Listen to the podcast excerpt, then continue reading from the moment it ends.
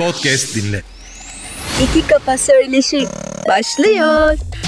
İki Kafadan herkese merhaba. Canak Bulut'la birlikteyiz. Merhaba Can, hoş geldin. Merhabalar, hoş bulduk. Gönül isterdi ki gerçek manada hoş geleyim ama pandemi bizi böyle uzak diyarlara savurdu. Uzaktan görüşmeyle katılabildim ancak. E, sağlık olsun, bir dahakine yüz yüze geliriz bu stüdyoda dilerim. E, Balıkesir... İnşallah, inşallah. Evet, İstanbul'dan çıktın. Otomotiv e, alanında zaten uzman bir isimsin. Otoseyir programlarından seni herkes tanıyor. Neler yapıyorsun? Otoseyiri bu e, pandemiyle beraber maalesef nokta koymak durumunda kaldım. Zira annem babam çok yakınımdı. Onlarla mikroba karşı hassas e, konumdaydılar. Onlarla arama mesafe koymaktansa programlara ara verin dedik. Tabii e, umduğumdan birazcık uzun sürdü bu periyot. Devamında da zaten koşturmaca, hayatım değişti. Birçok farklı gelişmeyi kısa süre içinde yaşamış oldum. Dönüp bakınca hakikaten vay canına dedirtiyor bana her seferinde. Evlendim, taşındım. Hatta iki defa taşındım. Böyle olunca işte otoseyir programları kaldı ki zaten otoseyir benim eski projem. Artık otomulazım ve eşimle birlikte yaptığımız ilk yaz ve can programları var. Ama otomobiller bir tutku. İnsan daha doğrusu oyuncak tutku. İki tekerlek, dört tekerlek olmuş bazen altı, sekiz tekerlek olmuş çok fark etmiyor. Evet. Onlara bulaştıktan sonra bir şekilde tekrar yollar kesişiyor. Balıkesir'deyim ben evet. Hem İstanbul'a hem İzmir'e yakın olsun diye özellikle seçtik. Burayla aslında benim organik bağım yok. Eşimin de yok. Hı hı. Ama İstanbul'un ki az evvel dediğim gibi ben otomobillere oyuncak gibi bakıyorum çok severek ilgiyle takip ediyorum, kurcalayıp öğreniyorum. Beni otomobilden küstüren, beni otomobile e, uzak e, tutan trafiği İstanbul'dan kaçmamın birinci vesilesi oldu. Buraya geldiğimden beri çok daha huzurlu, çok daha rahat hissediyorum kendimi. Yani bir yerden bir yere gitmenin akıllıca çözümüydü otomobiller bir dönem ama o dönemi galiba geride bıraktık ki zaten gelecek planlamalarında artık daha farklı çözümlere bakıyor designerlar. Geleceğimizi şekillendirirken otomobile yer vermiyorlar gibi sanki. Evet daha bireysel çözümler mi geliyor sence? Yani iki tekerleğe mi dönecek daha çok bu mobilize trans bir yerden bir yere gitme yolculuğumuz?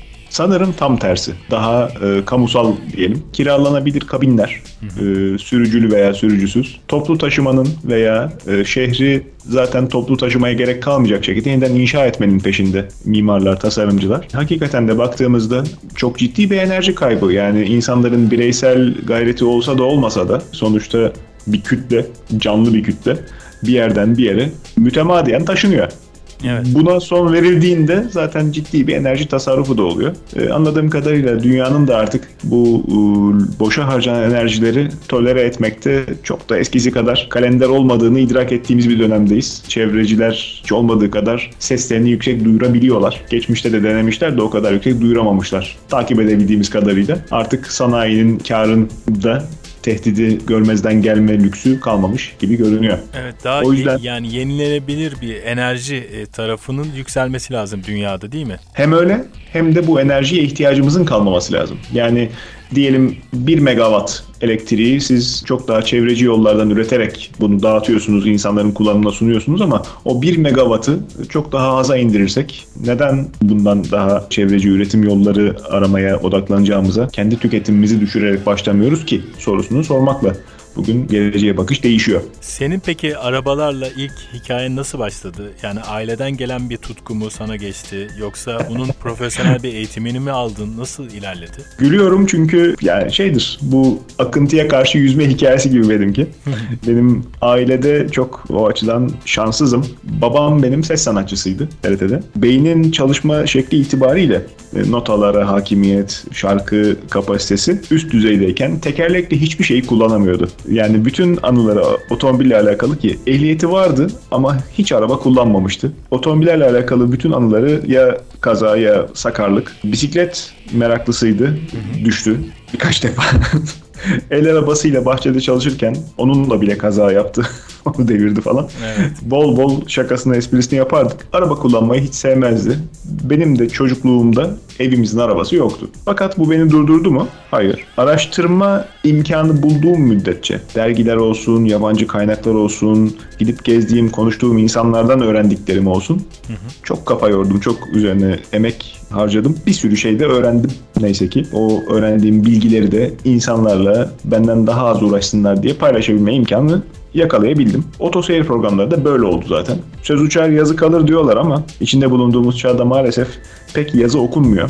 Daha çok sözlü hatta mümkünse görselle desteklenmiş sözlü yayınlar insanların çok daha kolay istifade edebildiği hale gelmiş vaziyetteler. O yüzden blog tarzı e, yazılardan ziyade işte çektiğimiz küçük YouTube programları e, bir hayli geniş kitleye ulaşabildi. Yani otomobilin nasıl çalıştığını, mekanik aksamının nasıl işlediğini bilip bunu anlatan ne yazık ki az insan var. Ne yazık ki az yayın var. Bunu elbette bilmek bir şey ifade etmiyor. Çok e, özel bir ayrıcalık ifade etmiyor. Fakat bunun güncel etrafımızda gördüğümüz makinelerle ilişkisini sürekli takip etmek, bunların nasıl kullanıldığını araştırarak öğrenmek ciddi bir özveri istiyor. Dolayısıyla buna ben odaklandım ve 10 yıl kadar otomobil gazeteciliği yapmış oldum. Şimdi de Balıkesir'de bu evlerimizin ofis olduğu yeni dünya düzeninde e, çalışmalarımı sürdürüyorum. Otomu lazım ismiyle.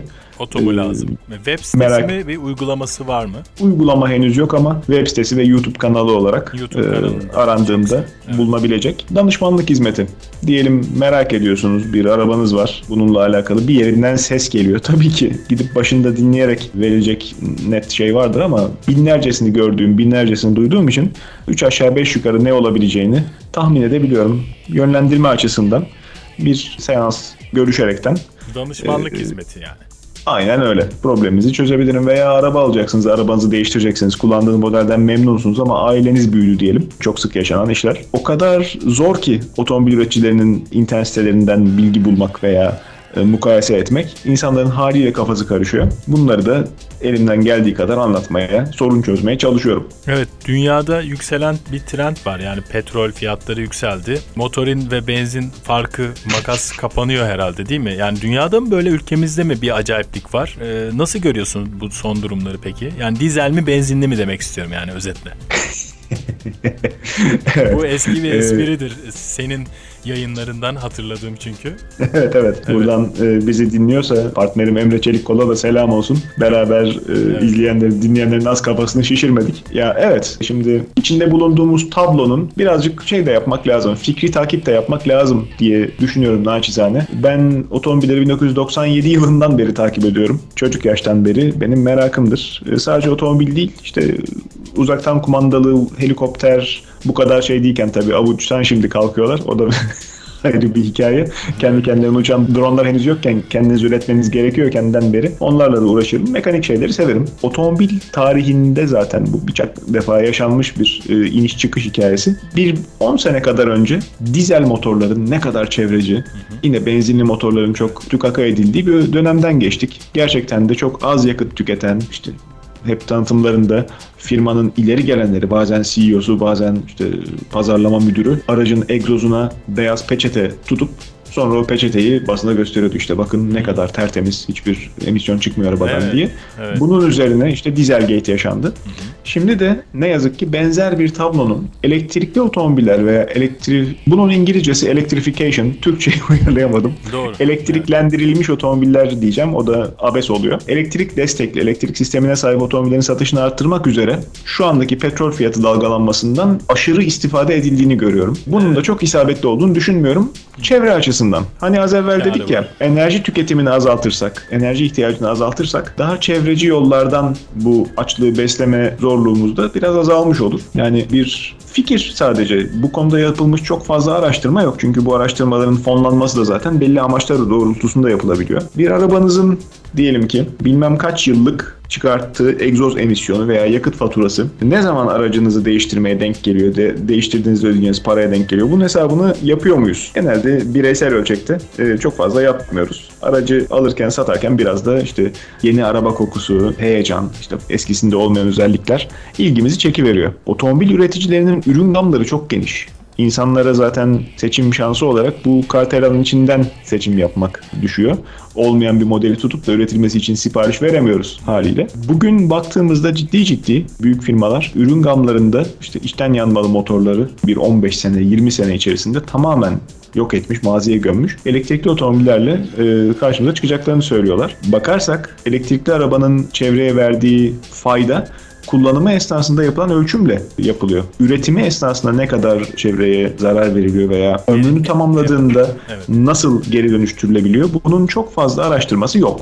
Dediğim gibi bu birazcık da işin kirli boyutu. Bu araştırmaların finansmanının kolay bulunmadığı da bir başka gerçek. Şöyle söyleyeyim. Cep telefonlarının bataryası hep işte zikredilir lityum bataryalar işte uçakta patlama riski falan. Bu bataryalardan binlercesi kadarı e, bir otomobil yürütmeye yetmiyor. Çok ciddi bir e, enerji kapasitesiyle bu arabalar yürütülüyorlar. Dolayısıyla da her gördüğünüz elektrikli arabanın içinde baya baya büyük, kimisinde işte çeyiz sandığı kadar, e, evet. kimisinde biraz daha usturuplu boyutta ama yine yüzlerce kilo ağırlığında batarya var.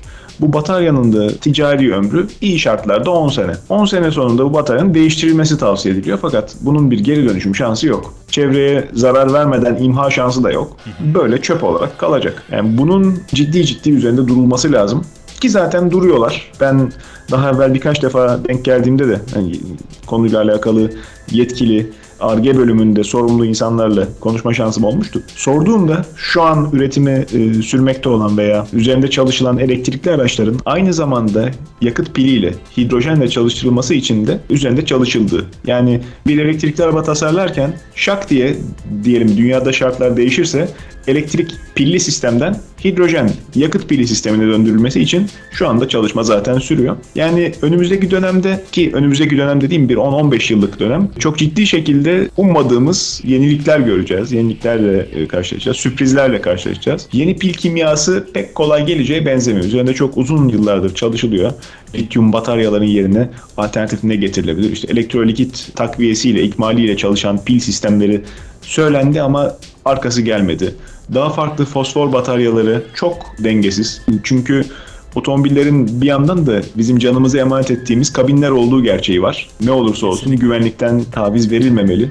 İçinde biz sevdiğimiz insanlar biniyoruz. Sürücü yardımcıları işte ne bileyim görüş ıı, kapasitesini artıran yeni teknikler arabalar uygulansa da arabanın kendisinin infilak riski inanılmaz korkunç bir senaryo. O yüzden de bu konuda çok fazla e, üzerinde durulmuyor. Arabanın geliştirilmeye açık noktası yani şu anda enerji kaynağı. Bilmiyorum şeyleri takip eder misin? Otomobil fuarlarını veya eski çıkmış konseptleri takip eder misin? Evet daha önceden çok bakardım ama son dönemde biraz kaçırdım o tarafları, e, şeyleri, fuar tarafları. Tamam o zaman. Ama dergi karıştırmışlığım vardır. Çocukken ben de bir dönem abone olmadım ama işte bayiden alıp da okurdum yani otomotiv dergilerini. Şimdi yanlış hatırlamıyorsam 1950 senesinde. O kadar eskiden bakar mıydın fuarlara? O kadar gitmedim. Yani senin gibi tamam. bir e, profesyonel olmadığım için. Estağfurullah. Ben de bizzat görme şansım yoktu tabii o dönemde. Henüz dünyaya intikal etmemiş olmanın hafifliğiyle. Sonradan evet. kurcalayınca 1950 senesi olacak yanlış hatırlamıyorsam Detroit Otomobil Fuarı'na Ford bir e, konsept getiriyor. Başına insanlar üşüşüyorlar. Konseptin adı Nükleon. Bilmiyorum bir şey çağrıştırdı mı? Nükleer enerji. Evet. evet. E, 1 kilogram yakıtla 1 milyon mil Wow. Hiç yakıt ikmali yapmadan evet. 1 milyon. Çalışabilecek bir araba Dünya, yapmışlar. Dünyayı kaç kez o... döneriz 1 milyon mille? Yani 1.7 e, mi oluyor? 1.8 kilometre mi oluyor? 6. 1.6'ya denk geliyor değil mi? 1 milyon 600 bin kilometre. Yani 40 binden sayarsak dünyanın çapını 400 tur mu ediyor? İnanılmaz bir şey ya. 40 tur mu? Yani şu ya, anda peki... Şey ama e, tabii, ara yolları şeyleri sayarsak tabii. yürülebilir e, nota insan ömrüne denk aşağı yukarı. Tabii ki üretilmedi. Tabii ki çevremizde görmedik çünkü yani bakıyorsun dururken işte New York'ta kahveni yudumlarken kahvenin üstü titriyor. Aa diyorsun dönüyorsun bakıyorsun Chicago'da kaza oldu galiba diye mantar bulutunu gözlemleyip sığınağa kaçıyorsun. Böyle bir gelecek insanların pek sevimli bulacağı bir şey olmayacağı için otomobilde güvenlik her zaman en önde tutuldu. Fantastik ee, bir portre çizdin. Canlandı kafamda yani. Çok kişinin kafası canlanmış olacak ki hiç üretmeye yeltenmemişler bile. Deniz altta kaldı nükleer teknoloji neyse ki. Ama otomobillerde benzer şey şu anda yaşanıyor aslında. Birkaç tane büyük kaza yaşandı. Umarım daha fazla yaşanmaz. Otomobiller kazadan sonra yandıklarında lityum çok agresif bir metaldir. Lityumun oksidasyon reaksiyonu hı hı. çok ıı, şiddetle sürer. Sudan oksijen çekerek ayırır. Yani lityum yanmaya başladığında onu tutup denize atsanız denizin içinde, suyun içinde yanmaya devam eder. Devam Sudaki oksijenden evet. istifade ederek. Dolayısıyla söndürülmesi çok zor, çok zahmetli. Arabalarda kullanılan batarya boyu da çok büyük olduğu için kazadan sonra baya baya ciddi günlerce söndürme çalışması falan yapmak gerekiyor. Yani çok sevimli değil şu anki pil teknolojisi ama dediğim gibi yani bu önümüzdeki dönemde tıpkı 10 sene önce dizelin baş tacı edilip de bugün yerin dibinde olduğu bütün üreticilerin dizel üretmekten dahi kaçınır hale geldiği tabloyu bugünkü elektrikli arabalar için de görebiliriz. Zaten elektrikli araba veya bir araba anladığım kadarıyla önümüzdeki dönemde bildiğimiz şekilde devam etmeyecek. Biz daha çok şoförsüz minibüsler veya uygulamadan takip ettiğimiz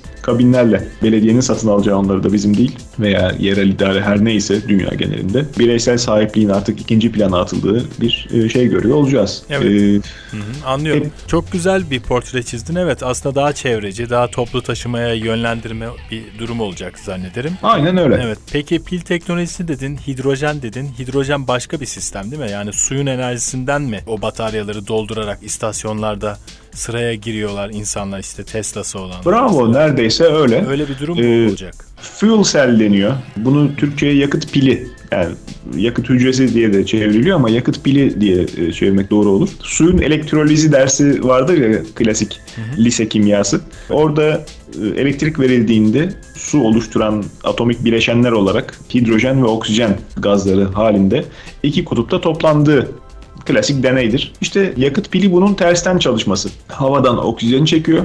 Biz aracımızda bulundurduğumuz hidrojen tankıyla bu sistemi beslediğimizde yani yakıt olarak hidrojeni kullanıyor. Arabayı yürütüyoruz. Yakıt pilinin bir güzelliği var.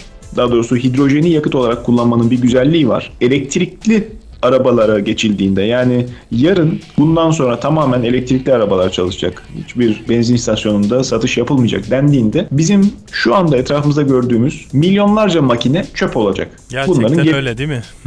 yani hiçbir kullanımı olmayacak. evet. Hidrojen akaryakıt olarak kullanılırsa hem elektrikli araçlar bunu pil yerine batarya yerine kullanabilecekler hem de tıpkı LPG dönüşümü gibi hali hazırdaki motorlara hidrojen yakıtı sevk edilebilecek. Hidrojenle benzin motorları çalıştırılabilecek. Ha, benzin motorları hidrojene dönüştürülebilecek. Ama elektrikliler ne olacak? Elektrikli de de pilin yerine yakıt pili konmuş oluyor. Onda da yine hidrojen tankı yerleştiriliyor. Bataryanın kapladığı alandan biraz daha küçük bir e, fuel cell yakıt pili e, yerleştirilip hidrojenin elektrik enerjisine dönüştürülmesi sağlanıyor. Evet ya bu sohbet bitmez. Bu sonuçta bir te- gelişen ve durmayan bir Gelecek vizyonu sonuçta yaşayıp göreceğiz diyorsun. Evet evet. Bunun bence ikinci bölümünü çekmeliyiz. Bu sohbetimizin. Umarım müsait olursa niye olmasın? Tabii tabii yani o senin müsaitliğin lütfen rica ederim. yani e, yine online bir şekilde kaydımızı alırız diye düşünüyorum. Evet, trafiklerde olmaksızın. Evet evet yani çok pratik gerçekten. O yüzden bu podcast programını yapıyorum. E, şimdilik bir virgül koyalım. Bu birinci bölüm İyi olsun. yapıyorsun. E, Tamamdır. Devam edeceğiz. Öyle not düşüyorum bu kayda. Dinleyenlerimizin affına sığınırım. Benim gevezeliğim meşhurdur. Yıllarca otosoyda de böyle oldu. Yok rica konuyla, ederim. ala- Ben, ben konuyla alakalı soru sorulduğunda durmu- durmam diyorsun. Tamam durmanı istemiyoruz karşı, zaten. karşımdakinin pişman olduğunu görür ve devam eder. Hayır hayır. Çok teşekkürler. Ben teşekkür ederim. Bunu saymıyorum o zaman. İkinci bölüm için e, senden söz alacağım, arayacağım. Tamamdır, E, tamamdır. Teşekkür ederim. arasında katıldığın için çok teşekkür ediyorum sevgili Can Akbulut. otomulazım.com değil mi adres? otomulazım.com, ilkyazvecam.com yaptığım güncel işler. İlk yaz, Ee, ilk yaz ve can. .com Evet. diye de ikinci bir web adresimiz var değil mi? Doğru. Eşimle ben beraber yapıyoruz. Onu çok seviyorum. Buradan da bir vesileyle daha söylemiş olayım. Ne güzel. Sevdiğimiz insanlara sevdiklerimizi söyleyemiyoruz. Ee, günün lazım. yoğunluğunda şöyle Evet. evet. Evet evet. Ağız dolusu söylemek lazım. Ee, mutluluklar, Çok doğru. e, huzurlu bir yaşantı diliyorum sana ve Çok Eşine. çok teşekkürler. Evet, çok çok güzel. teşekkürler. kendine çok iyi bak. Görüşmek dileğiyle o zaman. Görüşmek üzere. Görüşmek üzere. Podcast dinle. İki Kafa Söyleşi sonraki bölümde görüşmek üzere. Podcast dinle.